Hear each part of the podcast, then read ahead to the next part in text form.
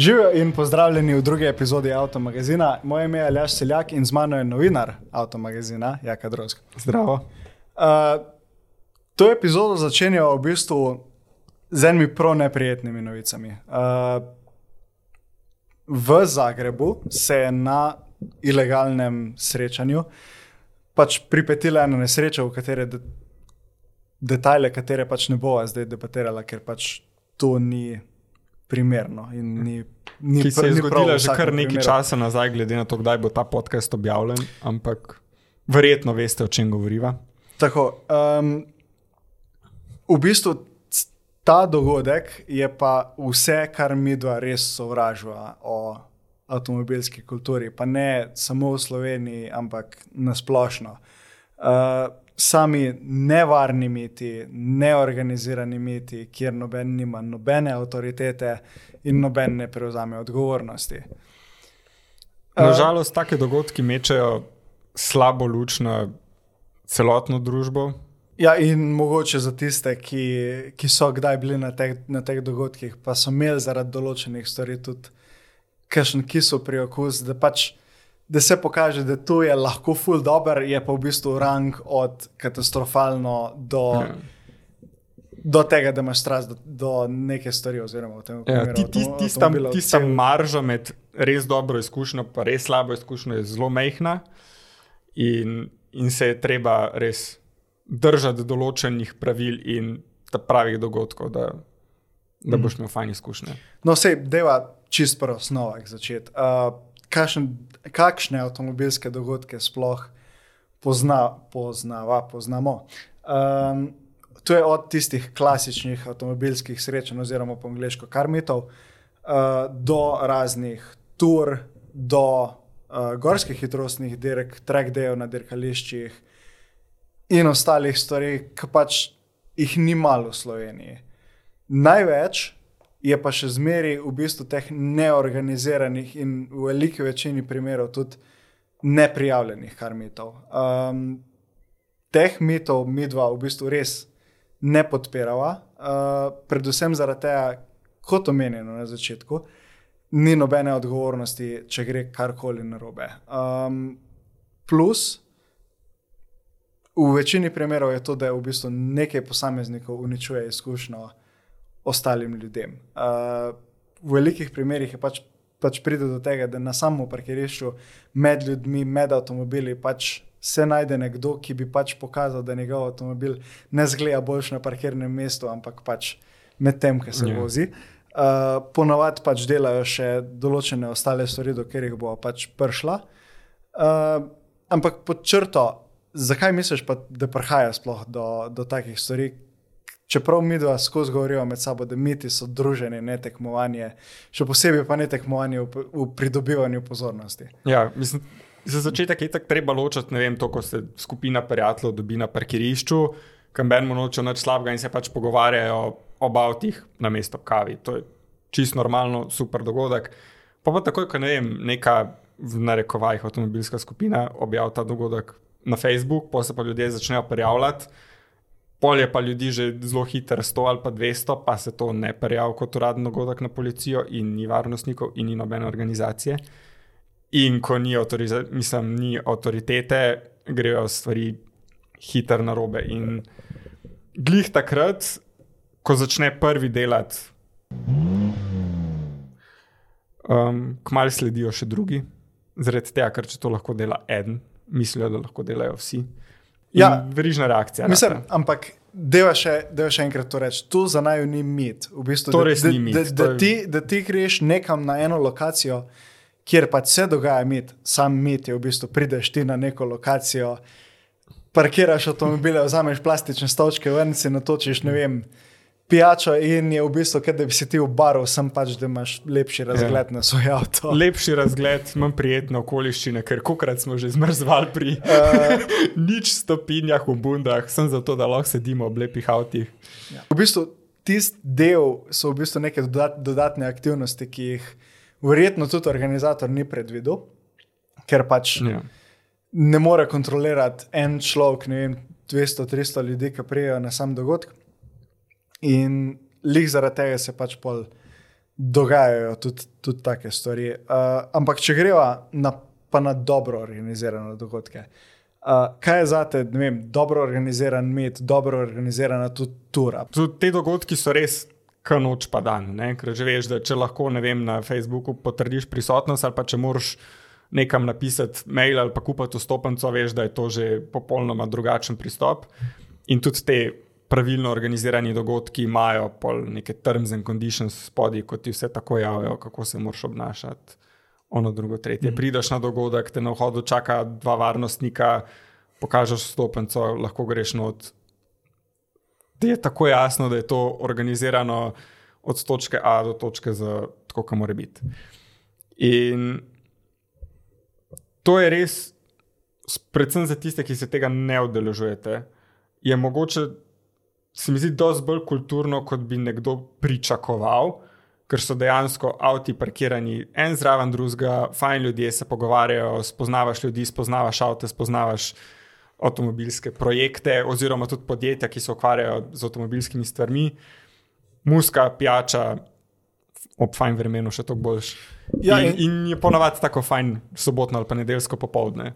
Ja, in lih to, kot si se ti dotaknil, tako prijateljsko eh, ozračje. Ja, uh, en avtomobilski sejem v bistvu, ampak. Ja, ampak, v, ampak v bistvu tu, ni, tu niso, ne vem. Proizvajalci avtomobilov, ki so plačali milijone za to, da lahko razstavljajo vozila tam, tu so ponovadi ljudje, ki so plačali res neke minimalne, če že neke minimalne. Ponovadi 10 ali pa 20 evrov neke minimalne prijavnine, ki v bistvu samo omogočajo organizatorju, da pač lahko to spele na dober način. Ni to nek cash grab ali karkoli, ampak na koncu koncev je to sam dobro izpeljan dogodek, če pa še dobrodelno je pa to boljše. Pa, ja. pa, pa ne pravim, da mora biti vse, vse dobrodelno, ampak je pač še ja. je. Mislim, je, je tudi res, da te stroški so nekako obvezni mm -hmm. in v bistvu samo podpirajo, da imamo take dogodke v Sloveniji, ker organizacija nekega kulturnega, legalnega dogodka je, je precej težja, kot ljudje pričakujejo. No, in tudi, recimo, podjetja, ki podpirajo samo avtomobilizem, aftermarket, scene in vse ostalo. Sem jaz opazil, da z velikim veseljem pač pridejo na te dogodke. Pa mogoče niso to samo firme, ki podpirajo aftermarket sceno, to so pač vem, tudi podjetja, ki se ukvarjajo z vozom, pa pač so lastniki. Vem, Avtomobili, avtomobilisti, avtomobilov, in, in pač ni to dejansko tudi neko tekmovanje. Pa tudi, če firme pridejo razstavljati na take dogodke, ni to tekmovanje, je deljenje znanja. V bistvu nekdo ne ve, ne ve kako prav je te zračunati na feltni, da bo, bo na robu. Pač v takih primerih, pa smo že imeli take primere ti je pač nekdo povedal, da na spletni strani imaš drugačen ta kalkulator, ampak ET se zračuna pa tako. Tako bo izračunal, da ti ne bo od zunaj ribala, tako bo izračunal, da, da, da od znotraj ne bo ribala. In pač boš se učiti čez take stvari, kot se učiti pač čez svoje napake in vse.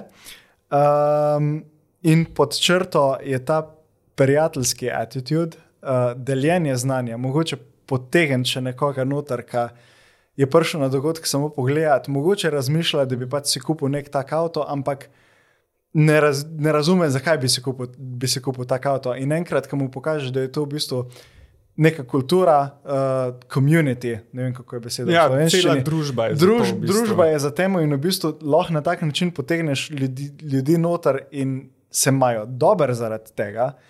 Je to pač plus te, teh nekih karmitov. Medtem, ko pač na slabše organiziranih karmetih uh, je 99% ljudi istih kot na organiziranih karmetih, je pa pač zaradi tega, ker ni neke, neke občutka odgovornosti, nisi dal nobenih osebnih podatkov, ne nič.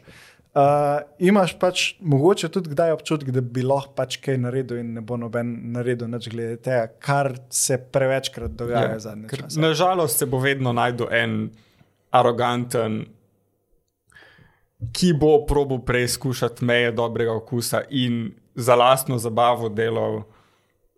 Začnemo, začne se vem, z, z revanjem motorja na mestu, pol so brnauti, pol so dolnati, pol je pa že dirkanje med, med ulicami. Pa, ja, mislim, da se najprej na organiziranem dogodku jih lahko nekako ustaviš. Mm -hmm. Lih, lih to, greva po vrsti. Kje, kje jih ustaviti? V bistvu, najno mnenje je bilo zmeri. Se avto je zmeri lepo poslušati. Ampak, yeah. Ja. če pa to poslušaš že uro, pa pol, in je to že ne vem, 35 avto, ki ga poslušaš, pa je v bistvu vse še mogoče tako predelano, da je glasnost pač tako višja. In pač nosiš tudi določene posledice, ti, ki greš domov, pa ti zvoni v šestih še dva dni zaradi tega, nobenemu drugemu, razen pač ljudem, ki jim je res pač všeč samo glas na uspuh in nič drugega. Na tak, na tak način, ja. do določene mere, revanje je fajn. Če kdo naredi ja. kakšen burnout na organiziranem umetu, garantiram, da boste ven leteli zaradi tega, ker pač je, prot, je po zakonu nelegalno ja. proti cestno-prometnim predpisom, kazni je 300 evrov in tri kazenske točke. In vse, kar je že nad tem, če ne delaš tega mogoče na parkirišču, kjer v radiusu 500 metrov ni nobenega, že reskiraš za to, da boš nekomu razen sebi mogoče kaj žal ga naredil. Ker sep pa lahko v bistvu v takem primeru najslabša stvar, ki si jo lahko sep, sep narediš, je to, da boš avto kresno, potem bo pa še ego malo bolj. In verjamem mi, da ego fulman boli, če te noben ne gleda. Um, tak, pa, pa treba se zavedati, ne, da take neumnosti lahko narediš z avtom, ki ima 100 konjev, pa z avtom, ki ima 500 konjev. To... Spreden pogon, zadnji pogon, 4x4 ročni avtomatik, vse je. Vkolikor ja. greš pač testirati limite avtomobila, na mestih, kjer to ni primerno, pač res res. Ja, pa tudi se mi zdi, da vem, že, že na organiziranih dogodkih imaš pa spet dve vrsti. Ne? Tisti, kjer so dejansko tekmovanja za revanje, ko imaš avto postavljene, pa gre en za drugim, pa dejansko lahko uživaš v tem, pa to dejansko pričakuješ. Če pa to delaš na nekem organiziranem karmitu, ker pač ljudje se stojijo v skupinah in začne en revat. In ne upošteva, da so prisotni tudi otroci, pa živali, ker vidimo v bistvu tudi mhm. -huh zelo veliko domačih živali na teh dogodkih, kar je ful lepo, dokler se ljudje znajo obnašati. Um, je že to razlika. Pa pa tudi, čeprav so te dogodke organizirani na privatnih območjih, tako kot si rekel, burnouti in vse, osta, vse ostale dejavnosti so pa že ilegalni, pa tudi že revanje, če gre čez neko mero decibelov, je ilegalno in organizator tega ne podpira, tiskal mogoč prostor tega ne podpira. Če ne drugega, pa na vsakem organiziranem dogodku v okolici stojijo policaji, s katerimi se ponovadi sodeluje, in te pridejo iskat. To, pa tudi dobro vejo, da če si tam in da če je avto to glasen, vejo, da je nekaj narejen, kar ne bi smel biti. In mogoče te bo kdo celo zatožil, tako da raj ne tega delati na organiziranih dogodkih. Ne podpiramo na, tega, da se zatožiš. Um... Ne podpiramo tega, da se zatožiš, ampak ne podpiramo, da se to dela in the first place. Ne, mislim pod črto, tudi tako, čez izkušnje, enkrat, ko se peleš ven iz samega dogodka, pel se počasi, pel ja. se umirjeno, pel se s čim tišjim avspuhom, ki ga imaš lahko, ker pač. Pa noben ne bo impresiran, če greš delati neumnosti. Ja. Vsi smo že videli, kako avto revajo, vsi smo že videli, kako avto pravi reset. Noben ne bo mislil, o, kako je pa kul cool ta tip v Mustangu, ki je naredil drift ven iz garažne hiše ne, pač ne. Res ne. Ja, uh, in tudi zaradi tega, v bistvu, vsi so se že dotaknili tega, kdo uh, hodi na take dogodke in je v bistvu od otrok do družin, na splošno starejših. Različne mm. generacije so na teh dogodkih in imajo različne v bistvu, uh, okuse, želje, kaj hočejo iz tega dogodka videti. Ampak na splošno se meni zdi, da te dogodki še posebej zadnje čase, so se bolj približali tej generalni javnosti. Uh, in tukaj bi mogoče odprl najprej temo, recimo Gumbala, ki je bil nedavno tle v Ljubljani, nedavno od datuma, kjer mi dva snemamo ta podcast. Ampak pri teh superšportnih relijih je v bistvu cela zadeva unšov. Uh, je tu cel namen v bistvu omogočiti neko izkušnjo vsem obiskovalcem, videti avtomobile, ki jih nikoli niso. Mogoče tega na lokalnem umetu ni, ampak je isti princip. Uh, mislim, super športnikov ponovadi na lokalnih metih ni, ampak je še zmeraj isti princip. Vidiš nek avto, ki ga mogoče ne vsak dan in pač tisti ima opcijo se pokazati na kulturen način. Uh, In lih to je, kot so prej rekla, desetletni otrok gre na tak dogodek, mu pusti Lambo ali pa Ferrari ali pa Porsche, kakršen koli avto, mu bo pač v tem trenutku všeč, neko res dolgo izkušnjo, tako dolg cajt mu ostane v glavi. Pozitiven spomin, ki vodi v zelo drag hobi. Tako. In v bistvu brez, tudi brez takih dogodkov, pa sej na, vem, na Gumbalu in na ostalih stvareh se pač dogajajo stvari, kat- s katerimi se mi da ne strinjava čist, ampak na koncu Predvsem v zadju. Ampak to so, to so v bistvu dogodki, ki, ki približajo superšportnike in avtomobilizem na splošno, full splošni generaciji. Ki na koncu dneva promovirajo tudi nek lokalni turizem. Tudi dodatni plusi. Ampak Ja. ja uh, in na koncu taki ljudje, pač, kot si rekel, padejo avtomobilizem in začnejo z, z takimi dogodki, in mogoče tudi zaradi tega tupijo vsemu glavo, da pač bodite kulturni, zaradi tega, ker ko boste pač generacijo, ki prihaja za vami, učili, da burnouti so kul, cool, ogrožanje ljudi na metih je pač normalno in sprejemljivo, in to, da driftaš po krožnemu sred parkirišča, je pač dober način, da ti dobiš pozornost zase in v bistvu vsi se te bo- bojo spomnili s pozitivnim uh, spominom. Ja, vse to je super do tega, ko povoziš robnik in boh ne da človeka. In v bistvu vsi te miti, ki se organizirajo, legalni ali pa nelegalni, so res pač dober vstop v avtomobilski svet. Mogoče dobiš neko znanje za začetek, imaš občutek, da si v neki skupnosti avtomobilski in pač lahko napreduješ ven iz tega, pač najdeš avto, ki ti je všeč, najdeš stvari, ki bi jih rad imel na avtu in tako naprej. Skratka, tak nek dober step. Predvsem najdeš neko pozitivno družbo, od katere se lahko učiš, družbo, ki ima podobne interese kot ti, družba, ki ti bo lahko kdaj prišla prav na takšen ali drugačen način. In je v bistvu cela scena je zelo fajn, če imaš pravilen pristop k temu. Mislim, in tudi scena se razvija zelo zanimivo. Vsaj, kar pač jaz opažam v Sloveniji, vse smo rekli že prej, da dogodkov v Sloveniji je ogromno. ratal. Uh, od slabo organiziranih, pa deva to mal na stran zdaj, pa do pač res vrhunsko organiziranih dogodkov, od drift tekmovanj do vem, gorsko-hitrostnih dirk, ki so namenjena pač tudi cestnim vozilom in vse ostale stvari, ki prijajo zraven. In to so tudi do določene mere tekmovanja. Avtomobilski miti niso tekmovanja. Avtomobilski miti so v bistvu primarno Srečanje. bazirani sre na srečanju, na druženju, pogovorih in v bistvu temu komunitiju, spet Ja. komunitiju in skupnosti okoli avtomobilov. In lih na teh mitih. Uh, oba pravijo, da se moramo nehati primerjati med sabo. V bistvu, vedno se bo kje najdel kdo, ki je vrhu že več denarja v podobno platformo, kot jo imaš ti. Uh, Nehimo se No, primerjati. no, ker- noben avto ni Ja. najhitrejši, najdražji, najboljši, ker vsak ima nek svoj Mhm. okus in to je avto, če bi si nekdo hotel narediti en drug avto, ne vem, tiska ima BMW M3, če bi hotel imeti C63 AMG, bi si kupil C63 AMG in obratno.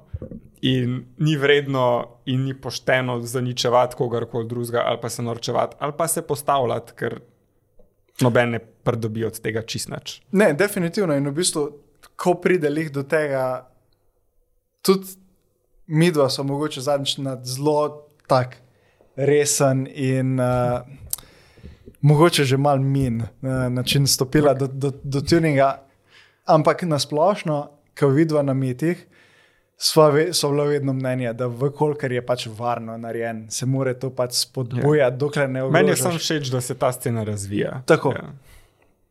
Ker vsak ima, vsak ima svoj oseben pristop k avtomobilu in dokler dela to, kar ga veseli, na varen način, super. Pač, Ja, in v bistvu na tak način tudi lahko nekdo najde nek, nek in- individualizem v svojem Mhm. avtomobilu. Pa se ne pravimo, da mora biti ena za ena, pač samo. Ampak imaš boljši občutek, ko ga vidiš v garaži. Vsaka malenkost, ki si jo naredil, je mal bolj special. Tako, ampak zakaj pa sploh hodimo mi na mite? Tako, izven avtomobilov. Fajn družba. Ja, Ja. mislim, to v bistvu. So, na koncu dneva mi dva sva v bistvu. Se nisva glih spoznala na mitu, ampak če se ne bi spoznala, prej bi se pa na mitih. Ker bi pač jaz, po mojem, jaki, verjetno povedal, da ima golfa in da je totalno dolgočasen človek, ampak In jaz bi se norčeval iz njegovega Forda, ki se ne bi odpeljal iz karmita, ker bi crknil. oziroma z električnega avta, ki pač je itak totalno dolgočasen na cajt. Um, ja, in nasplošno te dobre izkušnje na metih. Uh, bila sva že na metih, kjer pač si videl avte, ki so ti dali inspiracijo. In lih ta občutek, ki greš na nek avtomobilski dogodek, vidiš določene stvari, ki so ti všeč, govoriš s tem, s tem človekom, ki ima ta avto in ti da mogoče še malo znanja. In insight v to, kako je on ta avto naredil, mogoče ti še kaj svetuje zraven. Ja. Pa ne samo avto, ampak tudi mislim, neka motivacija, kako do tega avta prideti. Tako, in v bistvu in... na koncu priješ ti izmeta s toliko nekimi informacijami, z motivacijo, s tem, da boš ti na svojem avtu kaj naredil, da v bistvu pol celo noč gledaš avtomobilske dele po internetu in uh, razmišljaš, kako bo, ko boš v ponedeljek šel v službo. Drag hobi, ki ga moraš nekako financirati. Ne, bili, bili smo vsi tam in mogoče so mi dva za kargaja uh, že dala nekaj let čez. In dejansko tisto, tista podpora iz prve uh, in neko omogočanje strasti z informacijami in z vsemu. Na stvar je internet po forumi, ta druga stvar je pa enkrat, ko dejansko ti te stvari uživaš. In yeah. to je v bistvu nek gonilnik te avtomobilske, pa ne industrije, ampak komunitije od zadaj, ki ga mi bo podpirala do smrti. Definitivno. Pa sploh uživo, so, so vsi ful bolj prijazni kot na forumih. Noč se bat, pač de, dejansko mogoče so kakšni ljudje malo intimidirani, pa si ne upajo hoditi na take dogodke, ampak pejte. Ko, Ja, v res bistvu- je fajn. V bistvu tudi Na Če- organizirane. na organizirane, prosim. Ampak ponovadi, v bistvu, ker si ti najdeš neke kolege, ki ste vsi zainteresirani v avte, se pol v bistvu navežeš, pa ne samo na avtomobile, ampak tudi v ljudi, ki so od zadaj. Uh, preživljaš čas z njimi in lih zaradi tega so pač te avtomobilske dogodki, imajo sploh nek point. Zaradi tega, ker če bi hotel gledati pač mal predelane avte, bi hodili na šove, kot so Sema v Ameriki in dajali stotine mm. evrov za to, da bomo šli res najboljš bilde na svetu gledati, ampak te dogodki v Sloveniji so pa po večini še zmeraj zaston za obiskovalce. In pač vidiš, mogoče, kaj se tudi dogaja v lokalnem okolju. Pa tudi kaj bolj realistično. Ker se mi zdi, da ko greš na take salone kot je Sema, tistih avtov na koncu dneva ne boš spravil na cesto. Vse, kar vidiš pa na nekem lokalnem dogodku, pa veš, da je dosegljivo, da se da z njimi pelati in da mogoče lahko to narediš tudi ti, če si to želiš. Ja, vkolikor ni kompletno ilegalno. Vkol, ja, in če ni res neumna ideja, ker so tudi. Tuningi, ki grejo predaleč, kot smo že govorili. Ja. Uh, deva še mogoče, kdaj, mislim, kdaj so bile na zadnje na nekem organiziranem dogodku, ker priznava, full disclaimer, hmm. je bil dogodek, ki so, do, ki so ga mi do organizirali. Pač bil je to, kar sem Slovenija season opening. Uh, na kjer Shameless plug. Shameless plug. Bilo je tako, ne, ampak kot obiskovalcu, pač res sem se potrudil govoriti z vsemi in uh, bil je najboljši feedback to, da v bistvu so bili od do av- avti, bili so od avtov za ne vem. 5 do 10 tisoč evrov, ki pač je bilo vloženo to, da zgleda dobro, mogoče pa pač ni bilo od spodaj neki full narejen, pa do vem, super športnikov, ki so jih nekateri sponzorji pripeljali. In je bilo full dobro videti, to je štorija, ki jo, vsakom bom, bom povedal do, do konca mojega life. Upam, da se bom to spomnil, pa da ne bom uh, pozabil tega. Ampak najboljš moj spomin je še zmeraj bil iz enega meta, kjer v bistvu je nekdo prepeljal golfa Mark Dvojko. Ampak Mark Dvojka, golf je bil zrihtan v nulo. In kako je model s Panamero Turbo S-om prišel do tega človeka, ki ima golfa. In v bistvu so govorili naslednjih 15 minut samo o golfu. Zaradi tega, ker je tisti, ki je imel Panamero, je začel na golfu in mu je bilo ful fascinantno, kaj se s to platformo da narediti. In v bistvu, lih na tak način mi je bilo ful dobro povezati mogoče ljudi iz različnih spektrov avtomobilizma, ki imajo zdaj različne želje, ampak ki imajo pa mogoče hkrati tudi zelo podobne interese. Ja. Če ne drugega, si že, že sam imaš tako bogato zgodovino avtomobilov, čez katero čez leta greš, da je vedno fajn videti, vem, svoj star avto, mogoče čez 10-15 let, pa kaj nekdo iz tega naredi, kar ti takrat mogoče nisi mogel, ali pa nisi hotel, ali pa se še nisi toliko spoznal na te stvari. Pa če bi lahko obrnil čas nazaj, se tako gledamo zdaj, ne vem, dražbe, ko se popolnoma, recimo, temu poprečni avtomobili iz 80-ih in 90-ih, ki bi mogli biti vredni 2000 evrov, prodajajo za 100 tisoč evrov, zaradi tega, ker si ga nekdo kup iz čiste ljubezni, ker je bil to njegov prvi avto. In je res fajn, kako na teh mitih v bistvu vidiš totalno širok spekter od relativno cenovno dostopnih avtomobilov do superšportnikov, od japonskih, nemških, ameriških, kar koli hočeš. Res, To je. Vse vidiš.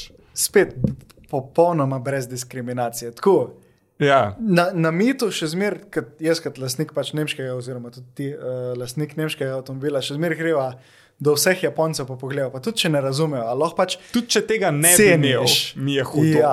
Pač. to. Um, in to je v bistvu cel point teh karmitov. Vidiš vse, odločiš se, kaj ti je všeč, in pol bod prijazen do vseh, prosim.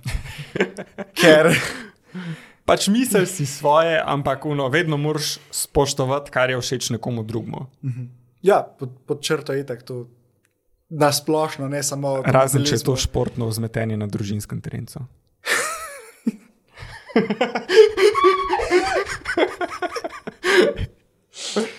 Mislim,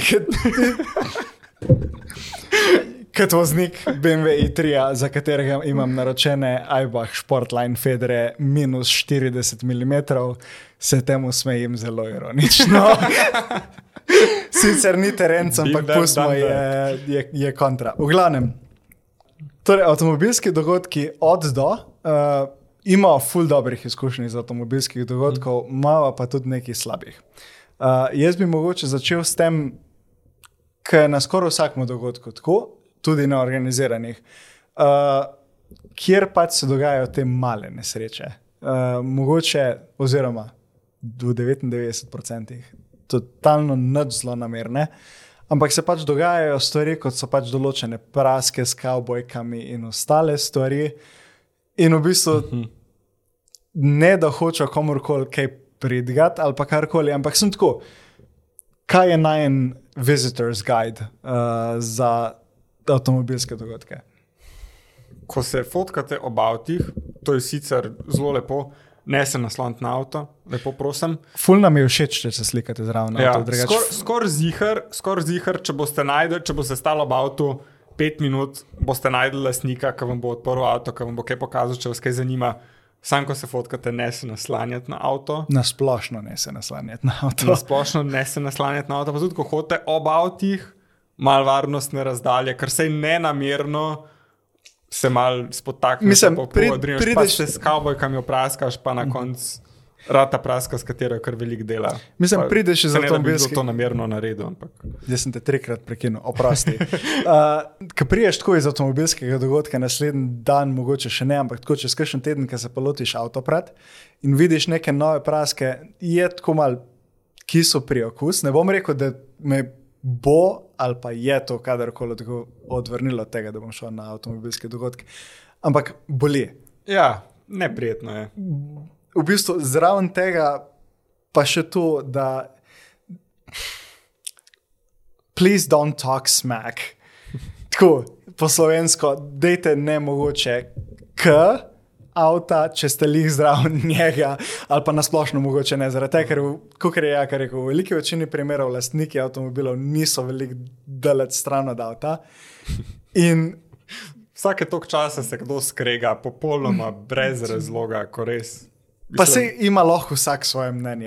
Ja, Res, ampak ne, ne rabiš pa, ne rabiš pa žaliti odločitev nekoga drugega. Uh -huh. Ker verjetno tisti, ki je pripeljal ta avto, je ponosen na avto, mu je všeč ta avto in ne bi imel drugega avta. Ja, in spet, kot rečem, mogoče ne boli, mogoče te ne odvrne od samih mitov, pa vsega, ni pa prijetno. Uh, Ja, čist nepotrebno. ja. No, ampak saj nimamo okoljevar, okoljevarstvenikov, ki bi se z rokami zalepili na avto in se usedli zraven. In to na srečo še ni prišlo do nas. Vse to delajo samo v salonih. Zaenkrat. Mislim, tako nasplošno na, na avtomobilskih mitih v Sloveniji, dobro ali slabo organizirani, ker smo tako mehki, je to po veliki večini ist, isti ljudje in zelo podobni avti. Isto res. Uh, tako, bodo iskrena, Golf je najbolj popularna tuning platforma v Sloveniji, daleč, Verjetno. daleč pred vsemi. In uh, golfov na teh mitih je ogromno, kar je ja. Po eni strani ful dolgočasno, ker je pač sto zelo podobnih bildov, po drugi strani pa Sorry, spet no, sorry. Pa spet ful dobro, ne pa po drugi strani, zaradi tega, ker imamo Slovenci in tudi pač cela Evropa na splošno imamo pač neke ful skupne tuning platforme, ki pač se zaradi tega, ker jih je tok in ker se tok radi družijo in ker vsi govorijo med sabo, imajo pač ful podobne bilde, interese in tako dalje. Sam tudi, ko jih pride 20, nikoli nista dva ista. Ja, To, to je pa najboljš. No, ampak če ne veste, na kakšne mite bi hodili, ali pa vas to niti ne zanima, tako zelo stato v avtomobilu, um, imaš pa pol še vedno, ne vem, take dogodke, ki jih organizirajo prav proizvajalci, ne vem, Porsche Experience, Track Day, On Ice, kjerkoli, ko pa greš nekam v tujino, ko se da pri prodajalcu zmeniti, če imaš vsaj nek približen interes, oziroma ga lahko nahecaš, da imaš interes kupiti pri njemu avto. In pol te lahko povabijo, da zbudijo dodaten interes v tebi. In to je res nevarno, ker ko si tam, boš hotel kupiti tisto avto. Mislim, Ko, jaz sem, ko si enkrat sprošej na progi, je res nevarno, če si to lahko prvoščeš. mislim, jaz sem imel izkušnje iz ne vem, M-Drive turov, tako BMW dogodki predvsem. In kot si rekel, je nevarno, ker predvsem. Je experience in oni se ful potrudijo za ta experience. In je v bistvu, ja. ker se zdaj govorilo o karmitih in, in vsemu ostalemu, je v bistvu karmit samo s čisto original avti, pa ponovadi so čist novi in zrihtani v nulo. Ja. In In to Kako- je vedno tak dogodek, da je pol še fajn hotel, fajn večerje, isto, ne vem, 50 ljudi iz Slovenije, ki imajo spet podobne interese kot ti, spet neka fajn družba, ki jo lahko spoznaš. Predvsem pa so te dogodki na koncu v bistvu te stanejo enako ali pa še manj, kot če bi šel na lastno roko nekam na dirkališče, predvsem pa ne greš uničevati svojega avta, ampak ti dajo za sprobati ful različnih. No, ja, In, veš, in to je zdaj, tak fajn, fajn pristop, če vas mogoče zanima. zdaj si mi dal tak, tako vabo, tako, tako si mi je vrgel, uh, ker si rekel dirkališče. Oh. V Sloveniji. v Ali Sloveniji pomanjkanje le-tega. in pomankanje le tega. Vse so se mi, že prednjo so podcast začela, že dogovorila, da o tem ne bova preveč govorila. To je tema, ki je ožeta večkrat, kot deset let stara krpa. Res. In težko bomo kaj naredili mi glede tega, ampak mi da v bistvu še zmeraj se en drugemu protožujeva, uh, glede Ja. ja. tega, ker uh, v Sloveniji imamo karting proge. Uh, imamo nekaj res decent in v redu karting prog, ampak te niso namenjene za avtomobile. Uh, lih na te proge, ki so namenjene za karting, pač A. Uničuješ avtomobile, ker pač je, ni neka dinamika, ni nekih hitrejših ovinkov. Ker je avto skozi na ekstremu, ga ne moreš nikoli sprostiti. To. In v bistvu zraven tega še so to koska, da prehtevanje ni mogoče, kar pustimo. Na koncu koncev, ta karting dirkališča so mogoče v redu za enkrat, dvakrat, trikrat, za tiste mm. osnove se naučiti na dirkališču, kar pomeni zastave, uh, mehansko, kar, kar se tiče vem, tlaka v gumah, Priprava pri, avtomobila. priprava avtomobila in ostale Pa stvari. obnašanje, pa sam zavedanje okoli sebe, kaj se To, dogaja. to sem hotel reči. Predvsem zavedati se, da boš večkrat mogel gledal gledati kot na javni cesti. Tu so pač neke osnove, ki se, ki se jih lahko naučiš, pol pa pridemo že do tega, da pač je to vse skupaj premehno, ne napreduješ, samo uničuješ avto, ker avto mm. pač ni narejen za take stvari. Uh, naši sosedje, vsi štirje, imajo pač vrhunske dirkališča. Uh, od Red Bull Ringa v Avstriji uh, do nešteto prah v Italiji. Uh, Mačari so zinvestirali zdaj ogromno, ogromno denarja uh, Ja. za dirkališče, sem nekaj ur od naše meje. In mogoče dirkališče, ki je nama obema najbližji, grobnik. Uh, to so pač vsa dirkališča, ki so nekje relativno blizu, ampak še zmeraj pokrivajo ogromno ozemlja. Kar se tiče, če greš iz Ljubljana, recimo, grobnik in nazaj je 300 km, plus stroški, ki jih imaš s prijavnino, plus stroški, ki jih imaš ti s samim avtomobilom, gumami, bremzami, ostalo obrabo pač delal. Na koncu, če na hitro poračunaš, si zelo hitro čez 1000 evrov za en track day, kar pa pač v veliki večini Ni ni sprejemljivo. Ja. Uh, in zakaj rabimo mogoče ne grade A dirkališča, o katerih so zdaj govorila, ampak mogoče neka mal manjša dirkališča, kjer se še zmeraj lahko razvijajo. Normalne hitrosti, to, da pač avto sprobaš na progi, in zakaj je to pač sploh fajn. To, to bi jaz rad uh, govoril s tabo. Gled, definitivno je fajn, da se imaš prostor, kjer lahko varno zluftaš sebe in avto, ker to na cesti nikakor ne moreš početi. Definitivno je fajn že čist iz izobraževalnega vidika, ker dobiš sploh pri nekem močnejšem avtu. Ker dan danes, če imaš dovolj denarja, greš v salon, si kupiš avto 600 konji, pa te meni vpraša, kako znaš voziti. In niti nimaš na začetku mogoče tega strahu spoštovanja do avtomobila, ki bi ga mogel imeti, ker ko gre pri 250 neki narobe, lahko imaš kakorkoli talenta hočeš imeti, pa če si v napačnih okoliščinah, si gotov.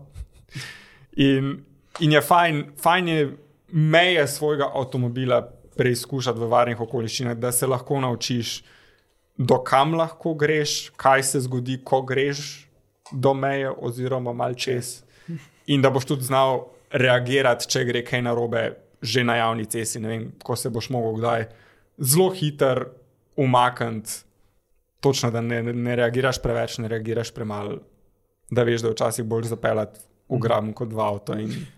Ja, pa tudi pač, kako se ljudje obnašajo v situacijah, kjer pač je oprijem na cesti omejen. Ja. Kar pomeni, vem, daž, sneg, led, karkoli. Pač, takrat se nesreče dogajajo, ki jih kdaj vidiš, pa, si, pa se samo vprašaš, pa se ne zavedaš ti, da imaš pod sabo to, pa to, pa to in da pač to tako, kot Ja. si si ti zamislil. Enkrat, šlo. tako, res je treba pomisliti na to, da imaš štirikrat tak pravokotnik oprijema pri avtomobilu. In se lahko peleš 300 na uro, pa imaš še vedno toliko oprijema s cesto. Ja. In to je to.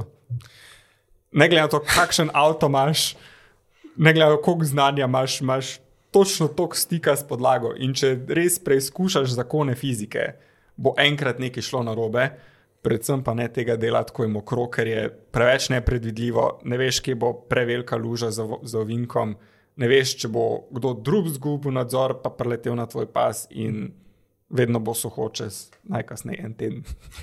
pač Ne, am, ne, ampak tako pod, pod črto, vse v Sloveniji imamo te centre varne vožnje, ki so nasplošno še kar v redu. Pač tudi ja. to izobraževanje, ki je po zakonu obvezno. Uh, To bi jaz sicer podprl, da imamo na deset let obvezno, ker je I- fajn, da te malo spomne ja. vsake tok časa, pa kaj nauči. Ja, to izobraževanje, kot sem hotel reči, je dobro, ni pa, Ni pa dost. dovolj. Ni pa dovolj tega, Uh, ne pravimo zdaj, da mora vsak voznik, ki voz, ne vem, jure kilometrov na let, mora iti na varno vožnjo in mm. razumeti, kako dinamično avto voz.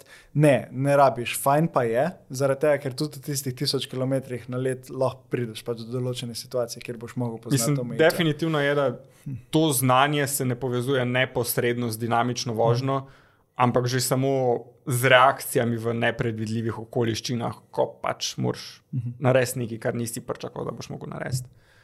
In je koristno za vse udeležence v prometu, ne samo za tiste, ki hočejo vsako desetinko izgubiti na stezi.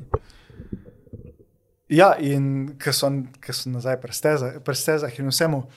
V Sloveniji za me v bistvu manjka, kot sem rekel prej, tisto neko srednje veliko dirkališče, da ni dan na dirkališču, ne vem, par sto evrov za to, da boš ti sploh not prišel, ampak pač da je neka normalna cena, da se greš ti eno popovdne v bistvu zgond. Uničiš tisti set gum, ki ga gledaš že cel let, pa se sprašuješ, ali bo to do konca sezone ali ne. In v bistvu uživaš v avtomobilu v dobrem, kontroliranem okolju, kjer pač je v bistvu za tvojo varnost poskrbljeno in varnost tudi ostalih okolj. Zaradi tega, ker če boš na dirkališču prestopil mejo, je najhujša stvar, ki boš v veliki večini primerov uničil svoj avto. Ja. Na cesti pa pač riskiraš veliko več kot svoj avto in lih do takih situacij pač prihaja. In tudi izobraževanje vem, o kulturi vožnje, o limitih, tega, kje pač lahko ti vem, črte narišeš, na kakšen način črte lahko narišeš, da boš varno prišel ven iz tega, do kakšnega kota lahko driftaš. In ostale stvari so pač stvari, ki ti jih bo redko kdo povedal, še manj ti jih bojo pokazali.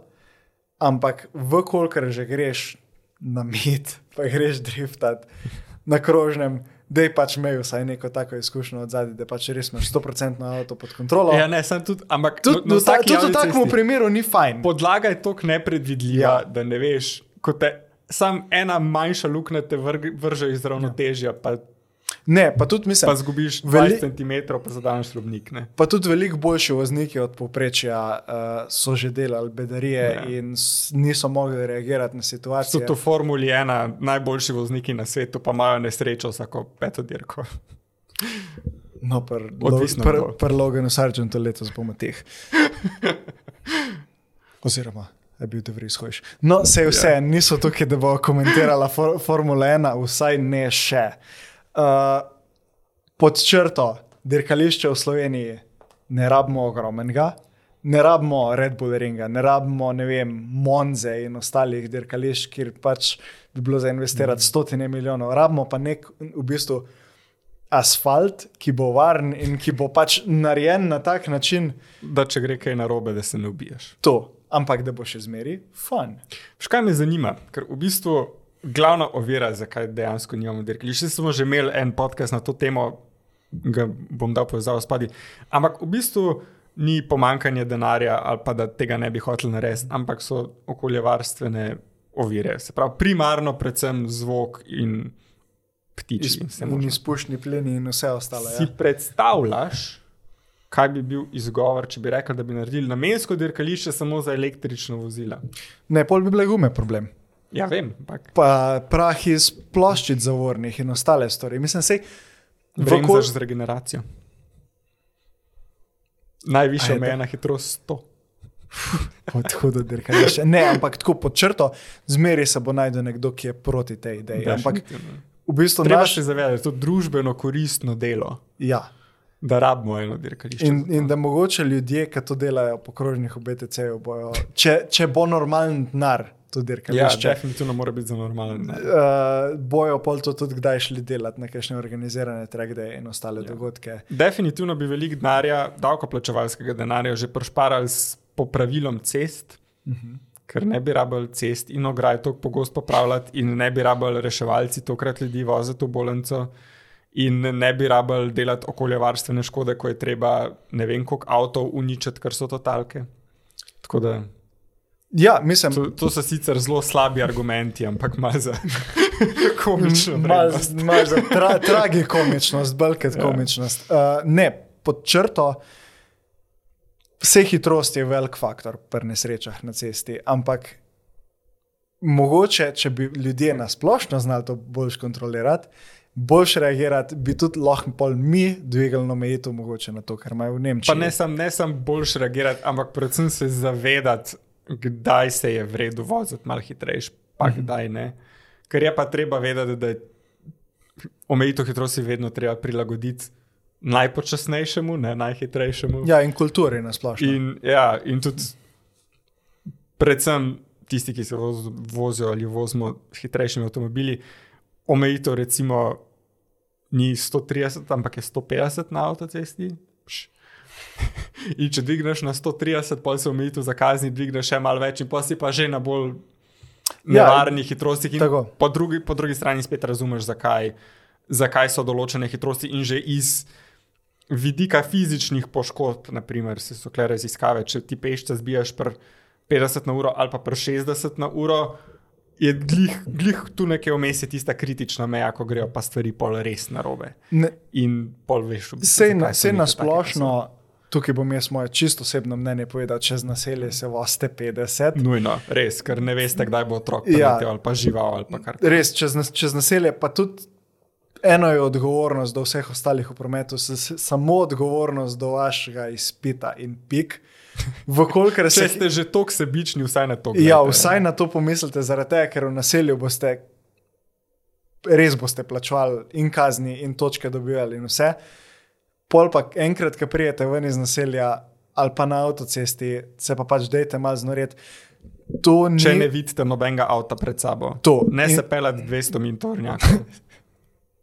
In tudi to ni uradno mnenje avtomagazina in ni uraden tip avtomagazina, ampak vkolikor imate manj kot 9 pik na vašem izpitu in vas na avtocesti namerijo, pa se lahko pelete 300, ne boste izgubili izpita.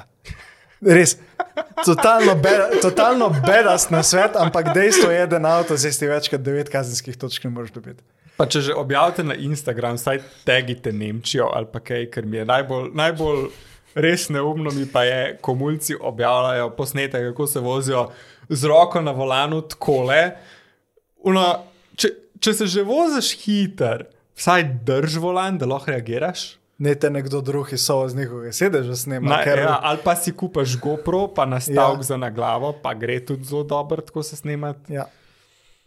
Ali pa predvsem pa nobenega ne zanima, koliko se ti hitro voziš po avtocesti, tako res nobenega ne zanima.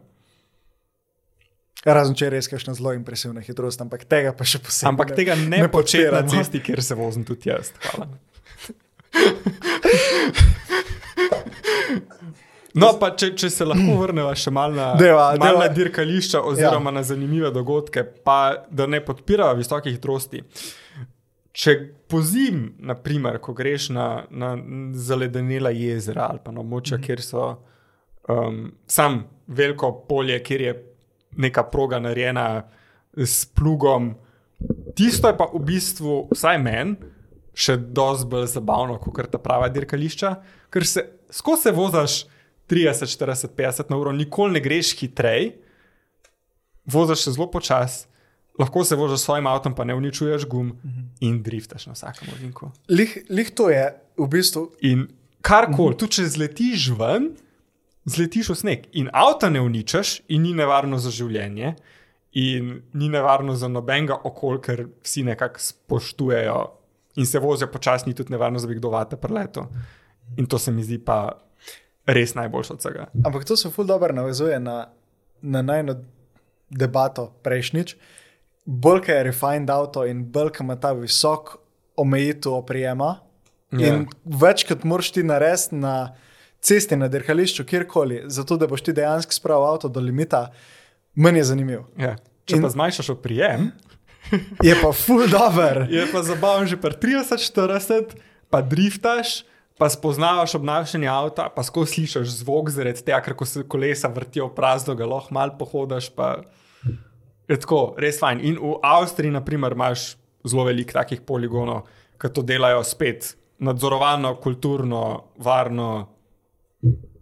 Pa povejo ti, Ja, ni, pa niti delati. treba iti na Finsko, skratka, zato Ne, da se res boš ne po smeš, ne zamrznjenem rabiš iti na jezeru. Finsko, pa en dan te stane še manj kot na pravem dirkališču. Mislim, veliko manj, kar se tiče tudi potrošnega materiala. Kot Definitivno. si rekel, ne uničuješ stvari.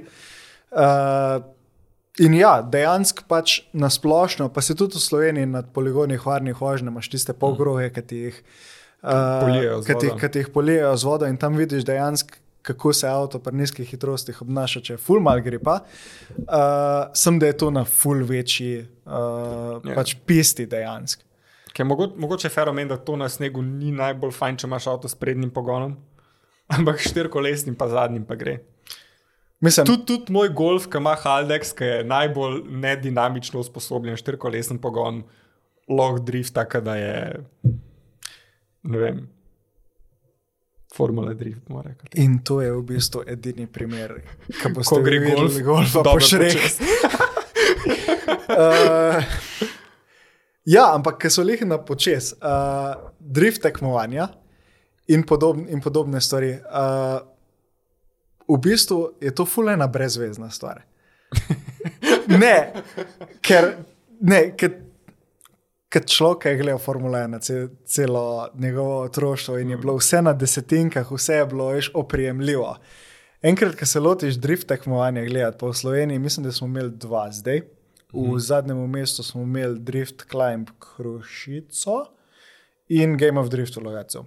Uh, enkrat, ko pa začneš na take, na take dogodke hoditi in gledati, koliko dejansko ti rabiš, a delati za volanom, b poznati avto, limite avta in na kakšen način so te avtomobili narejeni. Uh, mi je bilo pa izredno fascinantno in bi si želel več tega. Da, zakaj misliš, da v Sloveniji nimamo razen teh dveh plus Adrija Drifta? Mislim, da če sem kjer ga spustil, se iskreno opravičujem, plus tisti poligon v Ljubljani je super za učitce, ni pa dober pa za tekmovanja. Tako, kaj si misliš o drift tekmovanjih? Meni so kul, cool, ampak predvsem je premalo ljudi, ki ima dosta talenta, da to naredijo da zgleda ja. drift, kot je treba. Valjda imamo v Sloveniji par zelo, zelo, zelo dobrih posameznikov, ki to res obvladajo. Mm. Ampak, če daš za volan enega materija, hitro ugotoviš, da, da nisi tako sposoben, kot misliš, pa ja. ni tako lahko, kot zgleda na, na televiziji. Um, pa tudi v bistvu je zelo veliko potrošnega materijala, avto moraš imeti prav nastavljen.